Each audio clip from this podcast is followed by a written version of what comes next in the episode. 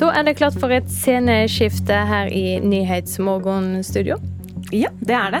Det er uh, tid for uh, årets første fredagspanel. Og til å hjelpe oss med det har vi henta inn uh, ekspertisen. Tone Hansen, direktør på Henny Onsdag-senteret, velkommen. Takk skal du ha. Sunn Heidi Sæbø, redaktør i Morgenblad. Tusen takk. Og så skal vi også ha med oss Egon Holstad, kommentator og spaltist i avisa i Tromsø. Egon er uh, trolig også med oss. Alle stiller duggfriske her etter den første arbeidsuka i det nye året. Hvordan har den første arbeidsuka i 2022 vært så langt, Sunn Heidi Sæbø? Den har vært litt, eh, det var litt trått å komme i gang eh, på mandag, kjente jeg. Og så hadde jeg i tillegg vært litt uheldig og knekt nesa i romjula. Sånn at det ga jo liksom begrepet blåmandag en helt ny betydning. For hvordan knekker man nesa? Du har en hund. Ja, nemlig. Det er skummelt med hund. Hvordan har det gått med deg, Hansen? Du, vi starta med å endre på, på programmet, vi. Ja. ja. Vi har ikke noe tro på at dette er over 15. januar, så vi starta der. Godt forberedt. Ja, det er som et sånt evig Tetris-spill, dette her. Ja. Egon Holstad, er du med oss? Jeg er med dere. Hvis dere hører meg, så ja. hører i hvert fall jeg dere. Ja, det gjør vi. Har den første ja. uka vært bra for deg?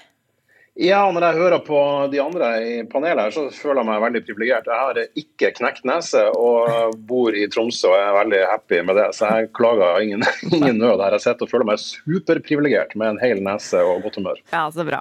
Vi skal starte vi til det mange naturlig nok snakker om for tida, omikron-varianten som dominerer. Likevel så hører vi nå at våre naboer i Danmark og Sverige åpner opp for at fullvaksinerte kan gå på restauranter og kulturarrangementer. Her hjemme har vi fortsatt debatten. Det har de også i Frankrike, der president Macron vakte oppsikt denne uka da han sa han ville innføre koronapass for å irritere vettet av de uvaksinerte. Som vanlig starter vi med et ja- eller nei-spørsmål. Er dette veien å gå, Tone Hansen? Ja, ikke for å irritere, men ja takk, sier jeg. Sunn Heidi Sæbø? Nei. Egon? Nei. Hvorfor nei, Sunn Heidi? Jeg har tenkt på to ting. Det, det første umiddelbare er jo at det er veldig fristende å gå den veien. For da tenker vi da har vi jo løst det. Da kan alle vi, vi som har vaksinert oss, gå ut og kose oss. Men så er det det er noe prinsipielt vanskelig med å begynne å forskjellsbehandle folk pga. valg de har tatt, valg som ikke liker at andre har tatt. Det er, noe, skal, er liksom å innføre et, en offentlig legitimering av den type forskjellsbehandling skal skal, som Hans Petter Graver har skrevet om i Morgenbladet, skal man nekte folk adgang fordi de ikke spiser sunt og ikke trener, f.eks. Og så er det jo liksom det mer praktiske ved det. Man, hvor, hvor, stor trygghet har man egentlig med vaksinepass og vaksiner? Mm. Det beskytter jo ikke mot, uh, mot smitte. Det viser jo f.eks. det faktum at den svenske kongeparet er blitt syke selv om de har satt tre doser.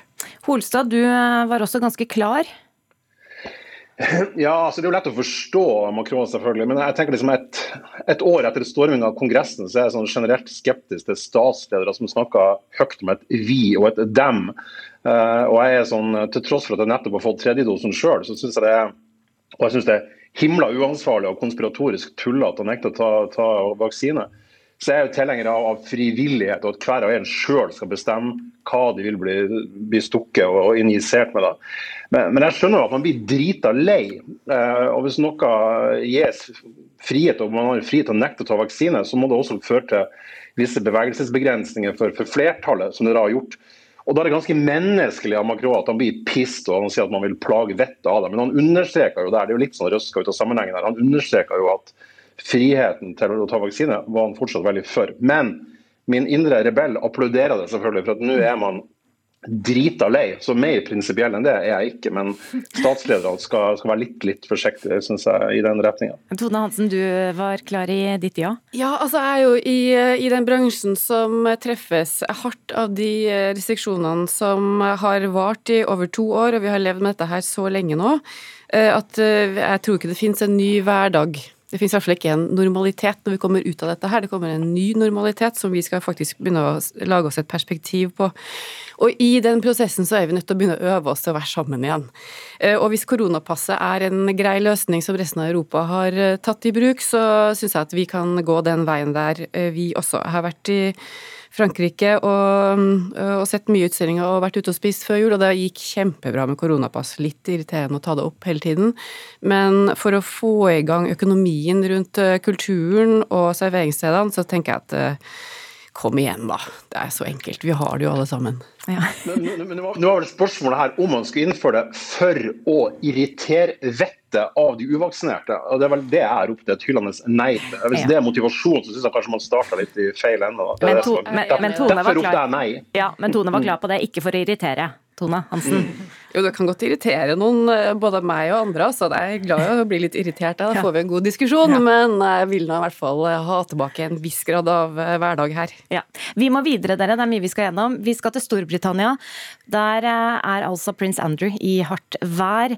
Amerikanske Virginia Jeffrey anklager altså prinsen for å ha forgrepet seg på henne da hun var ung, og har bl.a. beskrevet hvordan han svettet over henne. Andrew selv avviser alle anklager, bl.a. fordi han sier sier han ikke kunne svette på dette tidspunktet. I had suffered what I would describe as an overdose of adrenaline in the Falklands War when I was shot at. And I simply, it, it, was, it, was, it was almost impossible for me to, to, to sweat. Ja, det, Forklaringen der har nok ikke vi hørt før. Kongehuset har nå slått hånda av prinsen, og på offisielle bilder, bl.a. fra bryllupet til prins Andrews datter Beatrice, er han ikke å se noe sted. Er det smart av det britiske kongehuset å retusjere vekk Andrew? Nå starter vi i Tromsø. Eh, Egon Holstad? Ja. Tone Hansen? Nei. Og så Sunn Heidi? Nei. Nei. Vi eh, tar damene her først, eh, Holstad. Hvorfor nei, Tone Hansen? Uh, nei, du kan ikke endre på historien eller familien din, den, den du har. Og jeg er jo litt overraska over taktikken, egentlig. Kan man ikke heller slå ring rundt prins Andrew og få han til å si unnskyld og sette han i på familieterapi og, og ta den fighten som kommer? Det er jo men det er jo interessant å se hvor, eh, hvor, langt du kan falle, og hvor dårlige argumentene kan bli. Altså Hvis noen lurer, så er det ganske varmt i studio her. Hvis noen svetter her, så er det pga. det. Men at svetten din blir som argumentet for å forsvare deg, uff a meg, så trasig sak, altså. Ja, Men han bør ikke retusjeres eh, vekk? Nei. Sunn Heidi Sæbø? Det er jo lett å se for seg at hvis det var et eh, nært familiemedlem av meg som hadde begått eh, seksuelle overgrep, at jeg ville redigert litt i mitt eget fotoalbum og rydda litt på peishylla i familiebildene. Men det er noe annet når det britiske kongefamilien skal gjøre det. For da rediger, prøver man jo å redigere og retusjere i liksom det som er det offentlige eh, fotoalbumet, og det syns jeg blir helt feil. Eh, og så er det jo ikke sånn at de har slått helt hånden av han. Jeg regner med at han ikke lever på en kommunal ettroms eh, med bos, offentlig bostøtte. Jeg vil tro han eh, lever ganske godt og kongelig fortsatt. Ja, han, han har et gelé å selge, faktisk. og han får trolig komme på søndagsmiddagen eh, på Buckingham Palace. Men eh, Egon Holstad, du mener han bør retusjeres vekk? Nei, det gjør jeg ikke. Det Spørsmålet var om det var smart av det britiske kongehuset, og det ropte jeg et rungende ja til. Eh, akkurat som jeg regner med at Slottet i Norge har tatt ned bildene av despoten Nicolai Ceaucescu, som i 1980 ble tildelt storkorset av St. Olavs orden. Eh, så jeg tenker at det, her, det som har skjedd her med prins Andrew, det er jo, liksom, altså det er jo det er jo et helt normalt og forventa resultat av å insistere på å ha en adel som har født inn inn, inn i masse privilegier, og som føler seg heva over både lovverk og folket de mener å tjene, og som ikke eier bakkekontakter, som vasser i rikdom, og så vant å få det de peker på. Selv som forundrer over at det ikke er mer av, denne, eh, av det her griseriet. Og klart, monarkiet, den litt sånn stupide og middelalderske anakronismen, blir jo da nødt til å retusjere virkeligheten om de da skal fortsatt få lov til å beholde sine privilegier. Og når du da går inn, noen, når, når du da går inn på premisset og godtar at noen har blått blod, så må du kanskje også godta at de da ikke kan eh, svette. Det er jo helt naturstrid i hele, hele installasjonen, monarkiet. Så jeg syns det her er kjempesmart av det britiske kongehuset. Men om det er rett, det er jo en helt annen sak. Men tåler det britiske monarkiet alt? Det har vært mye gjennom mange år. Fins det en grense, Tone Hansen? Jeg tror det her er jo eh, sladrepressens eh, gullsak, så jeg tror de kommer til å holde kongehuset sitt i live ganske lenge. Det, ikke, det produserer jo så mye nyheter. Mm. Det skal jo markeres seinere i år at eh, dronning Elisabeth har eh, sittet 70 år på tronen. Så vi får vi se om vi kommer til å se prins Andrew på det arrangementet. Til slutt så skal vi innom noe som garantert drikkes en del av i rojale kretser. Vi skal snakke om bobler. For norske ambassader ble byttet ut Prosecco og champagne med norsk sider. Det mener Høyres Sveinung Stensland, som etterlyste retningslinjer for å servere norske drikkevarer tidligere denne uka.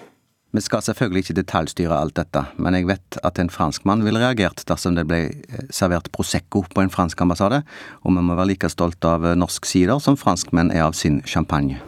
Ja, Da begynner vi i Tromsø, eh, der det sikkert også drikkes en del champagne. Egon Holstad, går det an å erstatte champagne med norsk sider? Ja, Vi har ikke så mye lokalprodusert champagne på 69 grader nord. Men eh, klart, klart, det går an. Spørsmålet er jo er om det går an. Og det er klart det går an, akkurat som man kan erstatte roquefort med brunost og altså, Norvegia. Altså ja fra nord. Tone Hansen? Da sier jeg nei. Og Sunn Heidi Sæbø? Jeg sier ja. Ja, så bra. Da begynner vi med ditt ja.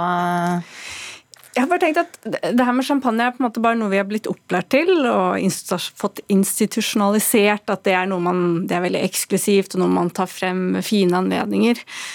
Men akkurat det er jo mest liksom det rituelle, at man får noe boblende, noe syrlig, friskt eh, når man ønskes velkommen på en fest eller skal feire noe. Eh, og det er jo lange tradisjoner for å fremme norsk mat ved ambassader, og norsk kultur, så hvorfor ikke også norsk sider? Jeg syns det hørtes spennende ut. Mm. Og du sa nei, Tone Hansen. Altså, nå er jeg jo bitte litt snobbete her, men champagne Champagnen min får du ikke ta. Eh, norsk sider er helt sikkert kjempegodt, og jeg er jo helt for at vi skal flagge norsk matkultur. Jeg elsker norsk eh, rørosrøm, og nå er jeg litt uh, upartisk der, men, men, alt som kommer av produkter fra Norge, er jo Eller masse kommer fra Norge som er veldig bra. Eh, men akkurat det å bytte ut, da, for å være litt sånn kverulantisk her, så tenker jeg vi kan bytte sideren med champagne akkurat. Kanskje med Proseccoen uten å fornærme Italia. Men, eh, men eh, jeg syns at vi kan godt flagge norsk matkultur og annen kultur i norske utenriksstasjoner. Og det har jo vært ganske stemoderlig behandla i den forrige regjeringen. Så om vi får tilbake et kulturperspektiv i diplomatiet, så blir jeg veldig glad. Men, sider eller ikke. Men Egon Holstad, du, du er glad i norsk sider? Ja, jeg er glad i norsk sider, men ikke i stedet for eh, champagne eller, eller, eller kremant. Og jeg, jeg tenker hvis, altså, hvis jeg sjøl hadde flytta til Sverige og måtte, eh, måtte erstatte da, skrei med surstrømming, fersk skrei med surstrømming, så hadde jeg blitt ganske sur. Og jeg syns allerede det har kommet så mye sånn kjip hipster-naturvin og oransjevin og grumsete myrvann med alkohol, som, som, driver og presser ut de gode varene fra Frankrike fra før. Så jeg er villig til å slå et slags snobbete slag for fransk finesse. og jeg tenker liksom, Du kommer fra Frankrike, og det eneste du da vil få, er, er, hvis du skal skåle glassene på nyttårsaften, en av grumsete sider fra en eller annen gård i Norge, så er jeg nesten villig til å si stakkars franske jævla. Så vi må ta vare på de her stakkars ambassadørene og la de få drikke champagne hvis de er fra Frankrike. Stakkars folk. De må, ja, vi må, vi må, vi må vi må synge en sang for dem og slå et slag for dem. Ja. Tone Hansen, litt champagne i helga, blir det da? Ja, det var en god idé. Det har jeg ikke tenkt på. Takk skal dere ha alle sammen. Tone Hansen, også direktør på Henny Onsdag-senteret. Sunn Heidi Sæbø, redaktør i Morgenbladet. Og Egon Holstad med klar tale fra nord, kommentator og spaltist i avisa i Tromsø.